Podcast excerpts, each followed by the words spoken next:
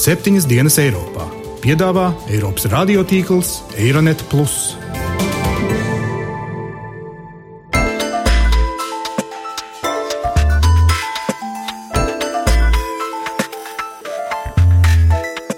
Šonadēļ septiņas dienas Eiropā dzirdēsim. Who are we? What are our values? Cilvēks ir būtne, kuram ir raksturīgas bailes. Too many foreign people coming in. Ir svarīgi būt sakārtotam. Latvieši ir liela tauta.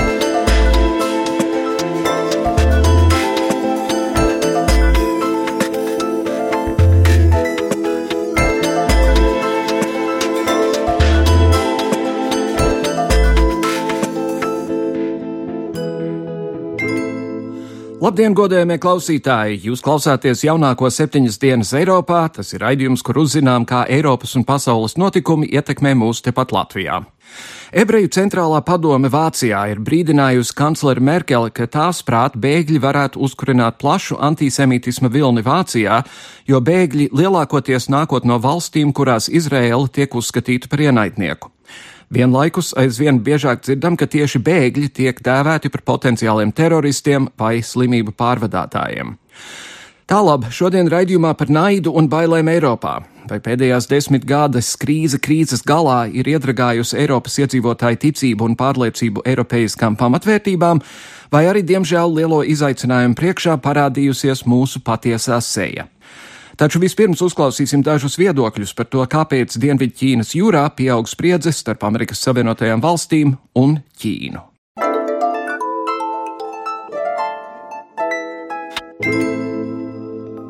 Pēc Amerikas Savienoto Valstu lēmuma nosūtīt karakuģi uz pretrunīgi vērtētajām salām Dienvidķīnas jūrā, Ķīnas mediji kritizēja šo soli, sakot, ka ASV spēlējas ar uguni un jau sen gatavoja provokāciju Ķīnas teritoriālos ūdeņos.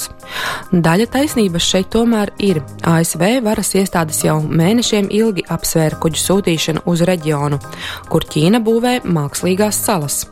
To zināja arī Ķīna, kas bija draudējusi ar pretreakciju. Par laimi šoreiz nekāda atbildes reakcija nesekoja, bet Pekinai visticamāk būs daudz iespēju. Lielākā daļa drošības ekspertu ir pārliecināti, ka šī ASV operācija nebūs vienīgā. Visdrīzāk tā ievadīs ilgstošas ASV jūras un gaisa patruļas turpmākajās nedēļās. Lai gan Ķīna neslēpj savas pretenzijas uz 85% no Dienvidķīnas jūras ūdeņu koplatības, Pekina oficiāli startautiskā līmenī šīs pretenzijas nekad nav izteikusi. Tā vietā, lai tieši pieprasītu teritorijas, Pekina savu pozīciju nostiprinājusi pārveidojot zemūdens rifu un klinšu veidojumus par mākslīgām salām. Uz tām var nolaist ieslīdmašīnas un, izbūvējot dziļūdens ostas, var piestāt kuģi. ASV bažīs, ka šīs salas var tikt izmantotas militāriem mērķiem. New American Security centra pētniece Mira Hūpere bažīs, ka tagad tas tik tiešām tā arī gaidāms, jo ASV deva Ķīnai iemeslu iet tālāk. President Xi Jinping's statement that China did not intend to militarize these islands. Prezidenta Xi Jinpinga paziņojums, ka Ķīna neplāno militarizēt šīs salas, atstāja Ķīnai sava veida caurumu, ko tā var piepildīt. Tagad, kad ASV ir nodemonstrējuši savas tiesības uz kuģošanas brīvību, Ķīna var pavērst to visu otrādi un apgalvot, ka tās ir savienotās valstis, kas militarizē Dienvidķīnas jūru, un pēc tam izmanto to kā iegānstu, lai uzstādītu vēl vairāk militāro aprīkojumu. Būtībā tā ir spēle uz izturību, piebilst pētniece. Lai gan Ķīna joprojām uzstāja, ka tā neplāno salas militarizēt, tomēr jau pirms tam satelītu uzņēmumos bija redzama trīs militāra garuma skrejceliņu būvniecības pārtlīvu arhipelāgā. Skaidro Mira Hūpere. Šie skrejceliņi ir 3000 metrus gari, kas nozīmē, ka tie ir spējīgi apkalpot jebkura veida militāro lidmašīnu, kuru Ķīna vēlētos tur nosēdināt. Viņi arī uzstāda sarežģītus radarus un komunikāciju tehnoloģijas un būvē tur ostas. Tas principā nozīmē, ka šīs salas jau tagad ir militarizētas. Atsevišķi mēdīji min, ka šis strīds kļūst par vienu no gada nozīmīgākajiem ģeopolitiskajiem notikumiem bēgļiem. Un kā vēsta izdevums Wall Street Journal, izskatās, ka tajā iesaistīsies arī Austrālija. Līdz ar to, tāpat kā Sīrijas konflikts, arī šis kļūs par daudzu valstu projektu. Un tā kā Ķīna ir Austrālijas lielākais tirzniecības partneris, var būtiski ietekmēt arī ekonomiku.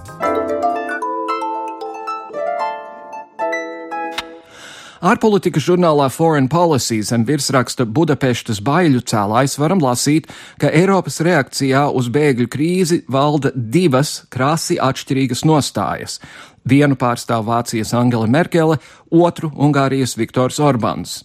Merkele neatlaidīgi apgalvo, ka uzņemt bēgļu plūsmu ir Eiropas kolektīvi morālais pienākums, savukārt Orbāns ksenofobisku izteicienu pavadījumā šādu nostāju dēvē par galēju vaiprātu.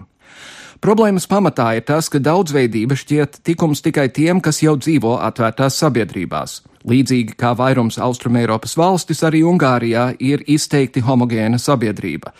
Tikai 1,5% Ungārijas iedzīvotāju ir ārvalstnieki, ārpus turistu rajoniem Budapeštā pārējā valstī neredzēt ne afrikāņus, ne aziātus, ne arābus.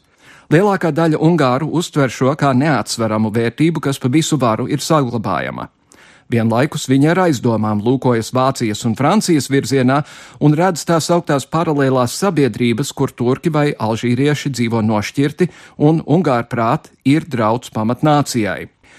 Ungārijā nesen tika veikta aptauja, kur Ungāriem jautāja, cik kritiski viņi ir pret dažādām minoritātēm. Lielākajai daļai respondentu neviena minoritāte nešķita pieņemama, Aptaujā pat tika iekļauti izdomāta tautu grupa pirēzieši, un arī tie Ungāriem nepavisam nepatika. Ironiski pašreizajā situācijā šķiet fakts, ka valstis, kurām vismazāk būtu jābaidās no masveida iebraucēju apmešanās, visasāk iebildušas uzņemt pat salīdzinoši niecīgu skaitu bēgļu, kamēr bēgļiem populārākie galamērķi izrādījušies daudz atvērtāki to uzņemšanai. Vairāk par Eiropiešu atšķirīgo morāli ētisko nostāju bēgļu jautājumā mana kolēģe Jāņa Kropa sižetā. Aizvien biežāk mēs dzirdam, ka bēgļi, kuri pārņēmuši Eiropiešu prātus, izraisa arī vardarbību un nekārtības. Te ziņu portālos parādās reportāžas par nodedzinātām bēgļu mītnes vietām, kurām ir uzbrukuši nacionāli noskaņot radikāļi, vai arī pašu bēgļu vidū ir izcēlušās nekārtības, kuru rezultātā jāiesaistās policijas vienībām, lai nodrošinātu sabiedrisko kārtību. Skaidrs, ka bēgļu krīze Eiropā ir viena no lielākajām, ko Eiropas Savienība ir piedzīvojusi. Kāds aicina atcerēties pašu tautiešu bēgļu gaitas, citi atkal uzstāja, ka nav jāpieņem svešu zemju laimes meklētāji. Piemēram, kāda nezināma patvērumu meklētāja sacītais Zviedrijas televīzijas kanālam varētu šķist neizprotams, jo bēgļu nometnē esošie vīrieši atsakoties no ēdiena, kas viņuprāt nesot pieņemams. No. Because the eat is so bad. Nē, mēs nevēlamies šo ēdienu. Tas ir tik slikts un dīvains, ka mēs to neēdīsim. Pat dzīvnieki tādu nēd. Tāpēc mēs gribam savu naudu, lai paši varam nopirkt visu, ko vajag lielveikalā. Mēs jau esam šeit 13 dienas, un ēdiens nav labs, tāpēc mēs prasām naudu. Ūdens arī mums ir no toaletes. Pat dzīvnieki nedzer ūdeni no toaletes. Var jau būt, ka šāda citāta izmantošana ir tendencioza, bet skaidrs ir tas, ka bēgļi arī ir dažādi. Jāņem vērā arī tas, ka viņu valodas zināšanas mēdz būt sliktas, kas nozīmē, ka mums ir vieglāk viņus pārprast. Lielas diskusijas, kā izturēties pret bēgļiem, skārušas ir vairākas valstis. Zviedrijā, piemēram, valsts premjerministrs ir aicinājis iedzīvotājus būt līdzjūtīgiem, uzklausīt bēgļus un padomāt, kā viņiem palīdzēt, kaut vai tikai apraugot un parunājoties. Tikmēr Vācijā bēgļu jautājumā aktīvi iesaistījušies labēji noskaņotie nacionālie grupējumi, kur ir gatavi paši izreikināties ar nevēlamajiem iebraucējiem. Par Ungāriju nemaz nerunājot, kur pat vadošu politiķu vidū ir jūtama klāja rasistiskā tieksme. Tikmēr, piemēram, Dresdenes viesnīcas īpašnieks Daniels Molitors ir nolēmis izmantot savu īpašumu bēgļu izmitināšanai. Vienīgi viņš labprāt iztiktu bez Vācijas radikāļu draudiem. Man patīk darboties ar iebraucējiem. Es nevēlos no tā atteikties. Es varētu iztikt bez uzbrukumiem un apvainojumiem. Tas gan būtu jauki, jo man personīgi ir draudēts divas reizes. Vienreiz man ieteica pakārties pašam, pirms mani nolinčo, otrajā reizē vispār pateica, ka ar mani beigu beigās izrēķināsies. Uz šādas sabiedrības sadrumstalotības bāzes tad rodas arī jautājums, kāpēc Eiropā, kurā ir pārdzīvoti daudzi nežēlīgi kari, bēgļu krīzes un ekonomiskie satricinājumi, Iedzīvotāji vēl joprojām nespēja pārvarēt pašu savas bailes. Piemēram, vācu žurnālists Stefāns Buhens uzskata, ka tas notiek tādēļ, ka iedzīvotāji ir nobijušies. Was, uh, die Mitte der Gesellschaft, center of uh, society. Ja? Mēs šeit runājam par bailēm, kas valda sabiedrības centrā jeb lielākajā daļā. Es nedomāju, ka cilvēku skaita iebraucēju daudzumu, lai pateiktu, Es esmu mierā ar 800 tūkstošiem iebraucēju, bet ne vairāk. Manuprāt, cilvēku prātos ir bailes no sāncensības. Viņiem piemīt sapratne par karu Sīrijā un tā šausmām, taču sabiedrības vājākā daļa baidās no saspringtākas konkurences darba vai mājokļu tirgu, jo tos uzreiz ietekmēs iebraucēju skaita pieaugums. Valdībai ir jānomierina šis satraukums. Vācijas valdība tikai salīdzinoši nesen to ir sākus darīt, Piemēram, kaut vai aizbraucot uz imigrantu nometnēm, lai saprastu, kādas prasmes viņiem vispār ir. Um,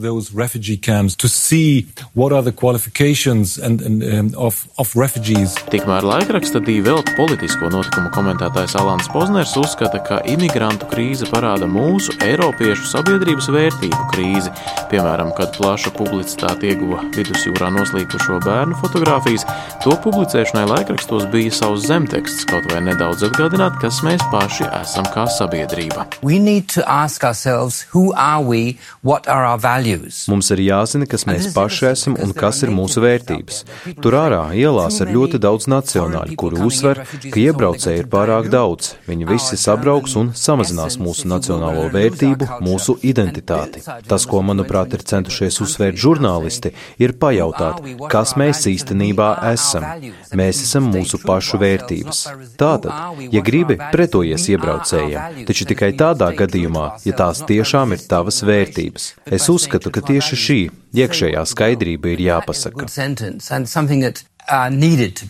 To, ka vērtību un identitātes krīze ir skārusi Eiropu, atzīst arī priesteris Andris Kravalis. Viņa prāta Eiropieši ir apmulsuši, nesaprastami, kā viņiem tālāk rīkoties. Es gribu atsaukties uz to, ko pāvests Francisks eh, sacīja Strasbūrā. Viņš sacīja, ka īstenībā nu, Eiropa ir zaudējusi savu tādu vitalitāti. Un, protams, manuprāt, viens no pirmajiem jautājumiem, kas paceļās, nu, kāda ir mūsu identitāte. Eiropas identitāte, bet nu, tā nevar būt, ja mēs katrs, kā kultūra, kā tauta, nedomājam par savu identitāti. Un šādu izaicinājumu priekšā kā bēgļu jautājums, tad kā būt viesmīlīgiem, atvērtiem un tāpat laikā kā pasargāt to, kas mēs esam, ir tik daudz eh, mūsu latviešu, kas ir atstājuši mūsu zemi. Kāpēc viņi to atstāja? Eiropas kontekstā tur ir šī daudzveidība, bet tā nav iespējama bez, eh, ja tā var teikt, dziļām saknēm. Un, eh, manuprāt, arī ir, mēs esam nobijušies šo citu kultūru priekšā, varbūt arī šo izaicinājumu priekšā, kuriem mēs neesam gatavi, kas skar ekonomiku, kas skar arī ticību, mūsu pārliecību un daudzus arī dažādus, teiksim, dzīves uzskatus, piemēram, tiek runāts par poligāmiju, varbūt reliģisku simbolu klātbūtni. Bet krīzes un satraukuma brīži jau ir tas mirklis, kad cilvēki paši mainās, kad esam izsviesti no savas komforta zonas, tad sākam pieņemt arī nepatīkamus lēmumus. Piemēram, Andris Kravals uzskata, ka krīzē ir jāsaņem drosme un jācenšas balstīties uz tiem pamatiem, kas mums pašiem, kā sabiedrībai, šķiet pieņemami. Tās krīzes uh, liek mums pašiem arī mainīties. Es domāju, ka ļoti svarīgi ir nenobīties, nezaudēt drosmi cik tad mūs, ja tā var teikt, interesē tā kristīga identitāte, vai mēs varam teikt, ka mēs tiešām esam kristīga tauta, kas vēlamies balstīties evaņģēlē vērtībās. Tā taču nav. Tā cilvēcība nav jāizslēdz. Ja es domāju, ja kristietis saka, esmu kristietis un aizmirst cilvēcību, tieši, manuprāt, kristīgā vēsts saka, ka tev nav jāizver durvis. Kristus runā vairākās līdzībās, piemēram, par žēlsirdīgo samārieti, ka tev ir jāiet pretī tam, kas nu, ir bez stāvzemes, kas ir ievainots, kas ir bēgļu gaitās, kur uzņemot arī varbūt īpaša svētība, ja tiešām tas ir tādā situācijā, bet, manuprāt, dažreiz arī šos jautājumos ir tādas sava veida manipulācijas, tad, manuprāt, ir svarīgi būt sakārtotam jaunu izaicinājumu priekšā. Jo, ja nē, tad mēs vienkārši tās problēmas pārliekam un bēgam, un, un tas nepalīdz atrisināt visu to. Šobrīd Eiropā ir manāms milzīgs mulsuma brīdis. Tie, kas uzskata sevi par rīcības cilvēkiem, tie ir gatavi triekt dūri galdā. Tikmēr tie, kas nevēlas pielietot vardarbību, meklēs risinājumus tādās vērtībās kā, piemēram, līdzjūtība, dažādība, vienotība, visi tie lielumi, kas ir nosaukti pat par Eiropas pamatvērtībām. Skaidrs, ka bēgļi ir dažādi, tieši tāpat kā eiropieši. Tādas krīzes kā nesenie finanšu satricinājumi vai tagad arī bēgļu krīze liek mums pajautāt, kā mēs paši rīkotos, ja atrastos otrpus robežas, vai arī kādu attieksmi vēlētos saņemt, ja paši bēgtu no nabadzības, kara vai vajāšanām.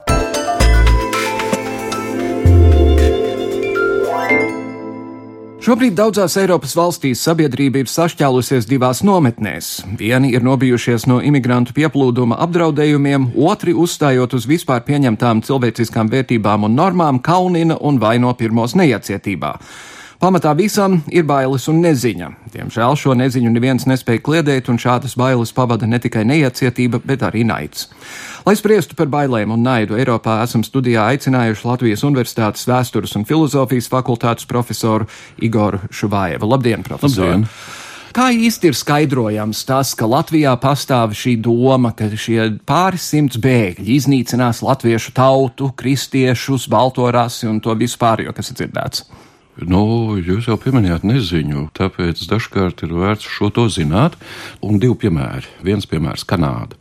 Kanādā 1% no iedzīvotājiem tiek pieņemts, ka tik daudz var bēgļus uzņemt eh, gadā. Berlīnē pastāv integrācijas un migrācijas pētījuma institūts, un pēc šī institūta aplēsēm viennozīmīgi Vācija var uzņemt katru gadu 800 tūkstošu bēgļus. Piebildīšu, ka 1992. gadā Vācijā bēgļu skaits bija pusotru miljonus. Šobrīd es kāpēc stāstu, ka Vācija Eiropā esot spēcīgākā ekonomiskā valsts.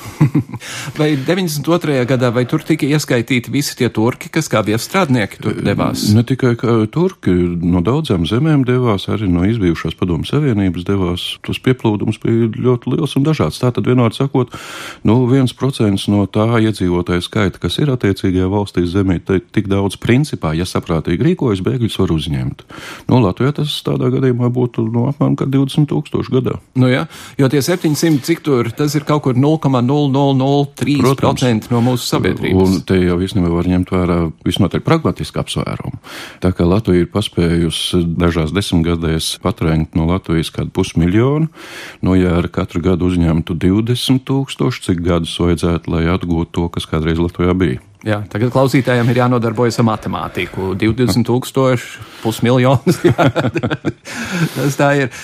Vai neziņu, protams, var risināt mācoties, bet eh, vai bailes un naids, jūsuprāt, ir kaut kas, kas ir cilvēkā iedzimts, vai arī tas ir atkarīgs no tā, kā cilvēks ir audzis un ko viņš ir mācījies? Bailes, jā viennozīmīgi. Es negribētu teikt, ka iedzimts, bet eh, cilvēks ir būtne, kuram ir raksturīgas bailes. Un nevis tās bailes, ko varētu saukt par baidīšanos, baidīšanās no kaut kā. Šādām bailēm vienmēr ir cēlonis. Taču es runāju šobrīd par tām bailēm, kas īstenībā ir šausmas un nav cēlonis. Tas ir tāds bezcēloņa. Un šīs bezcēloņa bailes īstenībā ir saistīts ar neziņu, nezināmo un visnotaļ, es teikšu, dīvaini, bet visnotaļ dabiski, ka cilvēks no tā bīstās. Un tāpēc viņam ir nepieciešama informācija informācijas zināšanu, viņam ir nepieciešama pieredze un pieredzējumi. Un ko līdz tā nav, tā cilvēkam raksturīgs ir baidīties. Mm -hmm. Un tā, ka viņš baidās, viņš principā var kļūt agresīvs. Tā ir viena no izpausmēm, ka kļūst agresīvs. Otrs, tad viņš ieraujas sevi, ietuntulējas, iekapsulējas un cenšas nekur nerādīties. Bet nu, šobrīd tas svarīgākais, acīm redzot, ir tās bailes, kas pārtop vai izvēršas agresijā, naidīgumā. Nu, jā. Tātad, ja es baidos no čūskām, piemēram, tā ir viena lieta. Ja man ir fobija pret tumšādainiem cilvēkiem vai gejiem, tas ir atkal kaut kas cits. Jā, protams, un turklāt, ja runā par tām bailēm no čūskām, nu, pastāv tāds motīvs, ka cilvēkiem esot vispār instinktīvu bailu no čūskām. Pastāv kultūras, kur no čūskām nepavisam nav bail. Nu, un otrs, ja tu paņem to čūsku rokā, ja tu proti viņu paņemt, nu, kas tur briesmīgs, nekas īpašs. Manā gadījumā es nekad mūžā neņemtu čūsku rokā. Vai Latvija, protams, ir vienmēr bijusi vismaz tās pašas ādas krāsas valsts, ja ne tautiski viendabīgi dabīga un tā tālāk. Bet man kaut kā sanāk, ka tas sanāk tomēr diezgan liela liekulība, ņemot vērā to, cik ļoti latvieši priecājas, piemēram, par tumšādainiem basketbola spēlētājiem, kas palīdz mūsu komandām uzvarēt. Nu, ir tāds fenomens, ko dēvē par kultūra liekulību. Tas ir cilvēki ārēji šķiet visnotaļ kultūrāli izglītot, civilizēti, bet ko līdz nokļūst noteiktās situācijās, tā tas kā vienkārši elementārs zvīņas nokrīt un tad parādās visā savā baisajā kailumā. Cik lielā mērā jūsuprāt tas pusmiljons, kur, kā jūs sakāt, Latvija ir aizdzinusi, lai gan es nezinu, vai viņi visi tam piekrīst, viņi tagad dzīvo daudz multikulturālākās vidēs pa lielam. Tie, kas, piemēram, ir Londonā, tie katru dienu redz vis, vis, vis, vis, vis, vis dažādākos cilvēkus. Vai jūsuprāt, ja kāds no viņiem aizbrauc ar šīm fobijām, tas automātiski viņus ārstēs, tas, ka viņš ir šajā multikulturālajā vidē? Nē, ne pavisam, bet Londonas pamatiedzīvotāji migranti taču, vai ne? Tur vai ir kāds pamatiedzīvotājs, ja varētu jautāt, izņemot migrantus. E, nē, ne pavisam, jo tur ir nākamais solis. Ja cilvēks ir situācijā stāvoklī, ko var saukt par nedrošu, tas ir viņam ir neziņa, kā būs rītdien, parīt, kāda ir tā nākotne.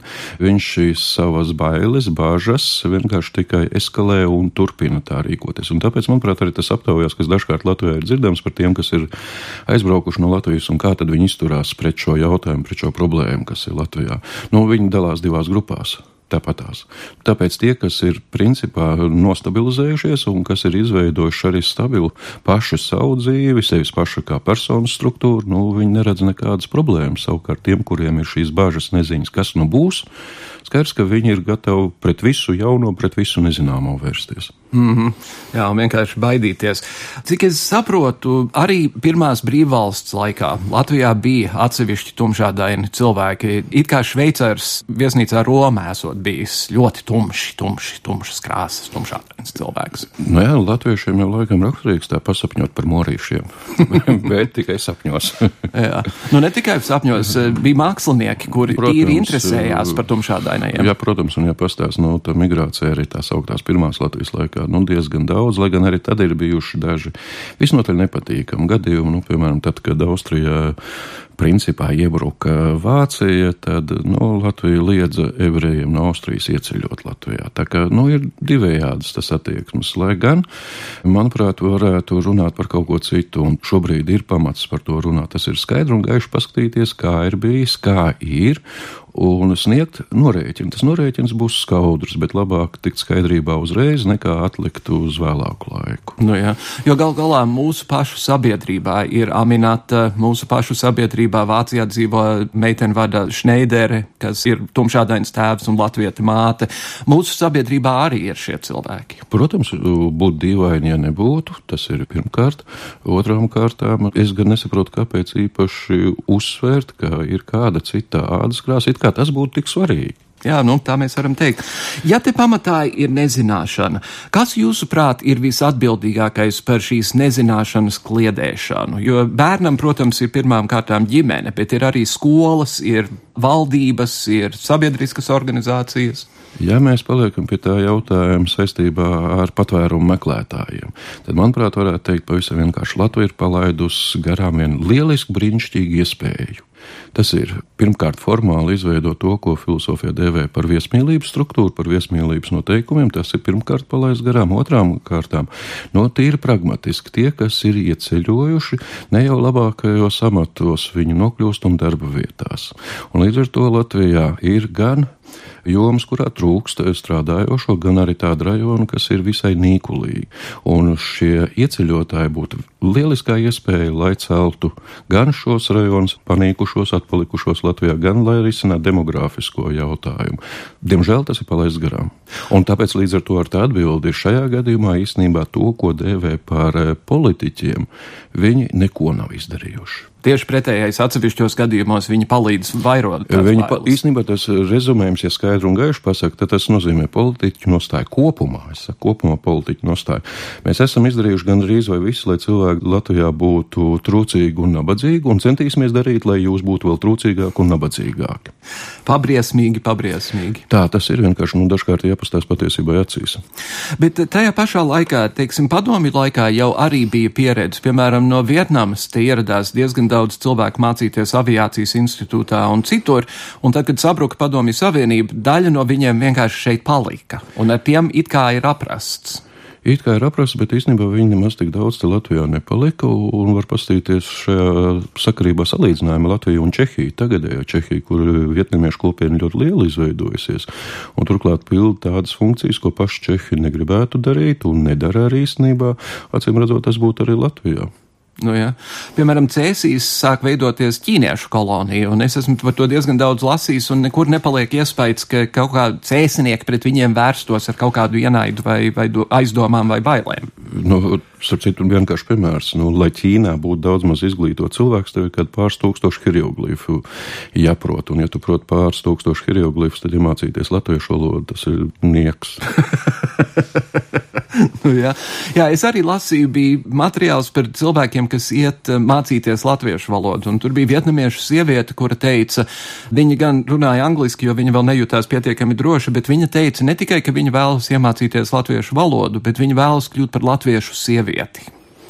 Jā, acīm redzot, tas ir saistīts ar to, kā mūsdienu pasaulē iezīmēs viena tendence, ka cilvēki nevienmēr sevi identificē pēc etniskās pazīmes vai pēc etniskās piedarības. Nu, piemēram, kaut vai par cilvēkam jautā, kāda ir tava tautība. Nu, teiksim, valodā, kur to var pateikt, un viņš pasaka, irākietis, bet tādas tautas irākietis nav. Mm -hmm. Bet viņš tā sevi identificē, viņš tā sevi saprot. Vai, piemēram, nu, tā kā es pieminēju šo Irāku, un arī es pieminēju to pētniecisko institūtu Berlīnē. To vada viena migranta, migranta no Irākas, un viņa sevi dēvē un uzskata sev, ka viņa ir vācieta. Es personīgi esmu gan latvietis, gan amerikānis. Nu, tieši tā, un kāda problēma? nu, jā, pa daļai pat polis. Vecā mamma bija polieta. Tās lietas var sadzīvot. Eh, Protams, mūsos. un tās ir dažādas identificēšanās sistēmas, dažādi atskaites punkti, un, un gal galā, nu, ja ikdienā kādus sastop, taču nejautā pirmais klausies, kādas tautības tu esi Vai nu ar cilvēku ir interesanti sarunāties, vai arī nav, un tad, ja nav interesanti, nu, tad vienkārši nesarunājas. Nevis tāpēc, ka viņš ir, es nezinu, kāds, pieņemsim, bantu cilvēks, tad uzreiz ar viņu būs interesanti runāt. Nu, jā. no tā laikam izriet, ka identifikācijas hierarhijā, ja tā var teikt, vīrietis, sieviete, baltādains, tumšādains, tautība ir kaut kur zemāka. Kā nu to ņem? Tā ir vienkārši kaut kāda orientēšanās norāde. Nu, piemēram, tepat Eiropā, ja kāds no Latvijas aizbrauktu, iespējams, ka viņš pateikt, ka viņš ir no Latvijas, ka viņš ir latviečs. Tas būtu saprotams, principā tas būtu saprotams, bet eh, es pieļauju, ja viņš nokļūtu Ķīnā, diez vai viņš teiktu, ka viņš ir latviečs, jo īstenībā neviens nesaprast. Drīzāk vis, visu pirms viņš pateiktu, Eiropietis es esmu. Mm. Un tad varētu atpazīt, un tad sākt runāt un norādīt, un tā tālāk. Lai gan es pieļauju, ka daudz vietas pasaules tādu vietu kā Latvija vienkārši nezina un nekad arī nezinās. Jā, nu tad, kad es augu, tad, kad es biju bērns skolā, man bija nepārtraukti jāskaidro, ka nē, es nerunāju seno romiešu valodā. Nu, jā, ir jau vēl viens tāds joks, kurš stāsta, ka tas gan saistīts ar vācu valodu lielā mērā, bet ka cilvēkam ir jāskaidro, ka Latvija nepavisam nav Laplanda, jo Letlanda un Laplanda vāciski ļoti līdzīgi. Arī, jā. Vai pašidentificēšanās tautiskuma nozīmē ir būtiskāka mazām tautām, jo mums ir arī mūsu nacionālisti, kuri ceļ latviskumu pāri visam pārējam? Gribu kategoriski iebilst, tīpaši saistībā ar latviešiem. Maza tauta ir tauta, kurā ir apmēram līdz 50 tūkstoši iedzīvotājiem. Latvieši ir liela tauta. Dzirdiet, klausītāji! jo visu laiku mēs dzirdam to vaimanāšanu, ka latvieši mirst laukā. Nu, ja cilvēks ir bailīgs, Un, ja viņš ir baiļu, šausmu pārmākts, ja viņam pašam ir mazvērtības komplekss, nu tad laikam visu laiku atsaucas, vai cik mēs maziņi esam. Toties ļoti lielas tautas, teiksim, amerikāņi ir ļoti lepni par to, ka viņi ir amerikāņi, lai gan viņu senči ir nākuši no kaut kurienes citurienes, un arī Krievijā ir šis jēdziens Rosija, Rosija, Rosija, kas gan ir vairāk saistīts ar valsti un ne ar tautu. Jā, bet arī ASV, es domāju, tas arī, nu, īstenībā jau grūti pateikt, vai tā ir tauta, dažkārt saka nācija, bet, nu, tas ir šis skatls, kurā visi saplūst un tam līdzīgi. Nu, tik vienkārši nav, bet uh, labi, var to pieņemt. Jā, protams, amerikānis, un sakot, amerikānis parasti jau domā ASV pārstāvs un nevis kas cits, lai gan Ziemeļamerikā ir viens un turklāt vairākas valsts, tāpat Dienvidamerikā un tāpat arī par Krieviju. Jā, protams, es nesaprotu, kāpēc vajag. Kaunēties, ka tu esi tas, kas tu esi, tas ir pirmkārt, un kāpēc uzreiz teikt, es tāds maziņš nedariet man pāri. Ir populāri runāt par tādu jēdzienu kā vispār pieņemtas cilvēcības normas, bet eh, šajā konkrētajā gadījumā, teiksim, runāt par to, ka mums tie migranti ir vajadzīgi, tas ir kosmopolītisms. Runāt par to, ka Latvija ir multikulturāla vide, tas ir kosmopolītisms. Tas ir kaut kas ļauns, kas ir iebazāts no rietumiem. Es atvainojos, kosmopolītisms Lamuvārds bija Padomu Savienībā varbūt var atcerēties, kā Neatkarīgajā rīta avīzē tas ir lamu vārds vēl joprojām. Nu, varbūt kāds palicis padomu laikos ir, nu, kas to lai zina. Nekas nav ievazāts, īstenībā, ja nedomā, tad lieto šādā nozīmē. Ja runā par kosmopolītismu, īstenībā tad jēga ir ļoti vienkārša. Tas ir tiešām cilvēks visā pasaulē, un tas nozīmē uz visas zemes veido tādas struktūras un priekšnosacījumus, lai, piemēram, tad, kad es dodos uz kādu citu zemi, lai man pie robežas tūdaļ pat nesavāk pasāktu un neapēst, jo tā arī var to izdarīt. Un kāpēc ne? Tā tad ir kaut kāda viesmīlība, kaut kāda garantija, lai iebraucot, tu tūdaļ netiktu apēst, lai tev nepārvērst par darba spēku, par vergu un tā tālāk, kaut vai lai tu varētu ceļot. Un ja tā, tad kosmopolītisms arī Latvijas ietvaros pastāv. No, ja pastāv tā saukto iekšzemes migrāciju vai iekšējo migrāciju, nu tad lielā mērā visi gandrīz vai saplūst uz Rīgu, nu tie ir tie paši migranti, migranti Jā. Latvijas ietvaros. Un ja katrs paskatās uz sevi, vai viņš tiešām joprojām dzīvo tajā vietā, kurā viņš ir piedzimis. Un tur, kur viņš ir piedzimis, tur viņš ir gājis skolā un tur viņš strādājis. Vai Latvijā kāds būtu, kurš par sevi varētu pateikt, es neesmu migrants? Jā, un tā pašā laikā, vai ir kāds latvietis, kas var teikt, es tiešām esmu simtprocentīgi latvietis? Jo ko vecvec, vecvec māmiņa darīja ar tatāru savu laiku, to mēs neviens nevaram zināt. Nu, īstenībā, ja, ja Latvijā cilvēki būtu vairāk pieraduši nodarboties ar matemātiku, tad varētu ļoti vienkārši pareiķināt, ja būtu tāds tīrais latviešu pāris, nu, tad varbūt tas ir kādā 14. un 15. gadsimtā bijis, bet nu, tā tas vienkārši nenotiek. Un savukārt, ja ir bijis 14. un 15. gadsimtā tāds viens pāris, tad šobrīd viss ir šī pāra pēcteči. Nu, jā. Tieši tāpat kā ir cilvēki, kas uzskata, ka mēs visi esam Ādama un Ievas pēcteči. Jā, protams, tas ir vēl viens variants. Iespējams, ka šis naturālistiskais saistībā ar tautībām ir pārņemts no šī mīta, ka ir bijis pirmcilvēks un tad dažādās versijās, nu kā tad viņa sieva ir pagatavota. Nu, Lai gan, ja seko Bībelē, tad patiesībā mēs esam arī Noās un viņa sievas eh, mantinieki, jo visi pārējie gāja bojā. Jā, protams, bet tikai tas nabaga Noās šķirsts, ar to ir liels grūtības. Noā šķirsts, es atvainojos, tā ir pieņemts tā, ka ir jāsaka. Labi. Tur bija daudz dažādu dzīvnieku, lai gan no katra tikai pa pārim, bet uh, tiem dzīvniekiem ir raksturīgas dažas izdarības. Ko darīja ar to, kas palika pēc tiem dzīvniekiem? Jā ja lauva un zaķītis bija kopā uznākts. Bet vai vispār filozofijai ir jēdziens absolūtas vērtības, universālas, vispār pieņemtas? Ja pieminu vārdu vērtības, tad uzreiz jāsaka, ka ir milzīga problēma, jo vērtības varētu pamatot tikai atsaucoties uz šo absolūto. Absolūtais mūsdienās nav īpaši lielā cieņā, Tas būtu pirmkārt. Otrām kārtām saistībā ar vērtībām šādu absolūtu tiešām nevar atrast, tāpēc es parasti cenšos par vērtībām nerunāt, jo var pieminēt tik daudz, cik sarunā, lai vienkārši par to runātu. Bet, ja atcerās, ka absolūtais vārda nozīmē ir atraisošais, tad jā, bet lai sāktu skaidrot, ka absolūtais ir atraisošais, atsvabinošais, nu, tas nav tik vienkārši, jo to var nosaukt arī citādi. Es, protams, filozofiski varētu nosaukt arī to, un tad cilvēkiem vēl vairāk saķert pievērt galvas un teikt, kāds, ko vēl te stāst. Jā, nu, lai izvairītos no tā, to mēs nedarīsim. Bet tad pēdējais jautājums. Eh, tagad ir paredzēts, ka tie pirmie bēgļi pie mums ieradīsies kaut kad ziemā. Kā jums liekas, kas notiks? Jo viņi nonāks muciniekos. Tas nozīmē, ka tīnužos neviens viņus ne mata galā neredzēs, bet ar laiku viņi sāks izplesties Latvijā. Godīgi sakot, es īsti vairs nesaprotu, jo man šķita, ka Latvijā nokļūs patvērumu meklētāju un nevis bēgļi. Mm -hmm. Nokļūst patvērumu meklētāji, un tad Latvija var izlemt, kuram tad būs piešķirams bēgļu status un kuram nebūs piešķirams bēgļu status, vai otrais ir alternatīvā status. Un tad, kad būs kādam piešķirts šis bēgļu vai alternatīvā status, viņš var ne tikai brīvi pārvietoties Latvijā, bet visā Eiropas Savienībā. Un tad visticamāk, liela daļa no viņiem arī dzīvos Anglijā. Nu, laikam dzīvos tur, kur ir izdevīgāk, kur necentīsies līdzīgi pārējiem Latvijas iedzīvotājiem viņu nomākt ar nabadzību, trūkumu un salu. Un ar to domu arī beigsim mūsu sarunu profesors Igor Šavājevs. Paldies par ļoti interesantu Paldies! Sarunu.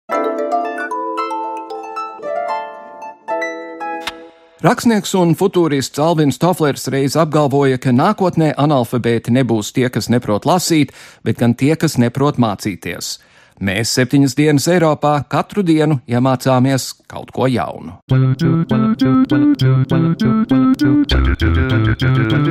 Sociāla antropologs un pasniedzējs Roberts Čīlis komentē nesen izskanējušo ziņu par Latvijas vidusskolu beidzēju diskrimināciju Kembridžā un citās labākajās Britu augstskolās.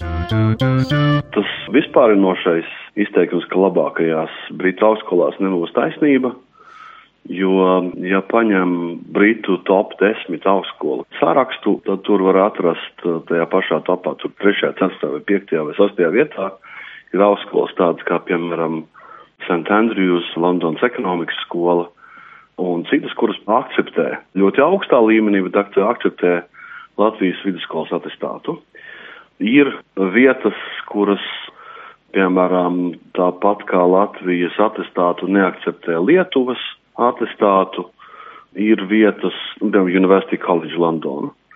Ir vietas, kuras no tā paša desmitnieka vispār nepiemin Latviju vai Lietuvu, kā Imperial College London, un tie piemin tikai Igauniju. Līdz ar to mēs runājam patiesībā par divām augstskolām, kas pilnībā atsakās. Kāpēc tas tā Oksfordā un Kembridžā? Es domāju, tas tāpēc, ka nav vienkārši tīri tehniski nav izdarīti attiecīgie soļi, uh, aktīvi um, rosinot sarunu ar uzņemšanas komisijām no Latvijas puses un iepazīstinot ar to, kāds tad ir mūsu izglītības standarts un kādi apmēram ir rezultāti, ko skolēni pabeidzot skolu beidz. Ir kaut kādi soļi, kas, protams, ir spērti. Es pats kā ministrs zināju par to situācijas eksistenci, apmēram es sapratu, cik liela apjoma problēma tā ir, un ka tā tiešām saistās tikai ar dažām augstskolām un pat ne universāli un vispārīgi. Un es arī runāju neformāli ar cilvēkiem, kas ir Kembridžā, būdams pats no pats mācīties Kembridžā. Es taču, nu, protams, pazīstu cilvēkus. Un um, tas viņu redzējums, bet tas nebija oficiālā pozīcija, bija, ka acīm redzot Latvijai vienkārši jāizdara proaktīvi soļi un jārāda, ka tiek veikts progress mācību standartu paaugstināšanā. Un, piemēram, tāds solis ir spērts, savu laikā ierosinājumu, tagad tas ir kļuvis arī par faktu, ka angļu valodas eksāmenu var aizvietot ar startautisko IELTS testu, kura rezultāts attiecīgi pieņem arī visas angļu augstskolas, ieskaitot Oxford un Cambridge. Līdz ar to tā situācija noteikti nav tik radikāla, ka nekur nepieņem Latvijas un visur pieņem Lietuvas un Igaunijas. Tā nav. Daudz, ko top augstskolās Latvijas atestāts pieņem, viņam jābūt ļoti labiem, bet pieņem.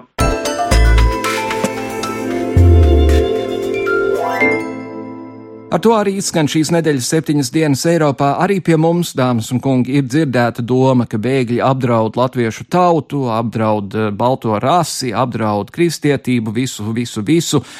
Bailēm ir lielas acis, un sapratīsim, ka tas ir cilvēcības jautājums. Līdz nākamajai nedēļai! Visu labu!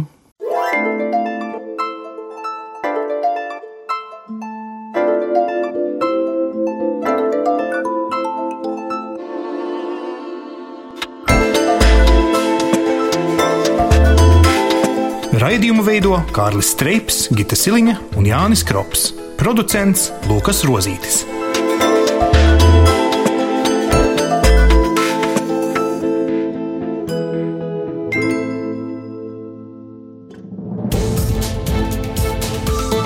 Visus Eironet plus sižetus un raidījumus meklējiet Latvijas radio mājaslapā.